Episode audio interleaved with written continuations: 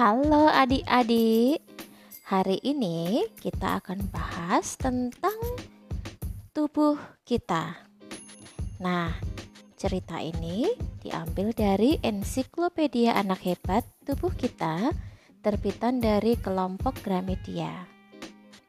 Oke, kita masuk ke bagian pertama. Kulit. Cobalah bercermin. Kemudian, amati kulit yang menutupi seluruh tubuhmu. Ada bagian kulit yang keras dan ada juga bagian yang lembut. Ada juga bagian kulit yang tebal dan ada juga yang tipis. Kulit berfungsi untuk mencegah bakteri masuk ke dalam tubuh dan juga menjaga otot dan pembuluh darah dari panas dan dingin. Kulit memiliki berbagai wujud tergantung dari organ yang dilindunginya.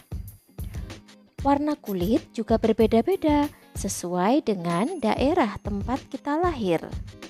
Kita bisa mengetahuinya dan melihatnya. Kulit orang Asia berwarna kuning, kulit orang Eropa Utara berwarna putih, dan kulit orang Afrika berwarna hitam. Kulit merupakan organ di tubuh kita yang daerahnya paling luas. Bukan hanya luasnya, tapi beratnya juga paling mendominasi, yaitu 15% dari berat tubuh kita. Nah, kenapa ya kulit itu berdaki? Nah, kulit secara terus-menerus memperbarui sel-selnya. Sel yang sudah lama akan menjadi keras dan lepas. Daki adalah campuran dari sel kulit yang sudah mati dengan debu.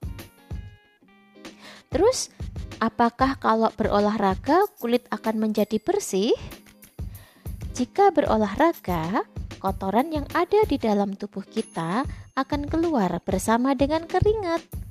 Bukan hanya itu, saat kita berolahraga, pembuluh darah akan lebih cepat mengalirkan oksigen yang diperlukan, sehingga aliran darah dalam tubuh kita pun akan lancar. Dengan begitu, bakteri jahat tidak mudah masuk ke dalam kulit. Kulit kita pun akan bersih dan segar jika berolahraga. Terus, mengapa kita bisa mengeluarkan keringat ya? Nah, saat tubuh kita terkena panas, maka kelenjar keringat akan mengeluarkan keringat untuk menyesuaikan suhu tubuh kita. Dengan begitu, tetesan keringat akan keluar dari tubuh dan membuat tubuh kita lebih dingin, sehingga suhu tubuh kita pun turun. Oleh sebab itu, pada saat dingin, tubuh kita tidak mengeluarkan keringat. Um, mengapa kita merinding ya saat dingin? Saat dingin, pori-pori kulit kita akan mengecil untuk mencegah keluarnya panas dari dalam tubuh kita.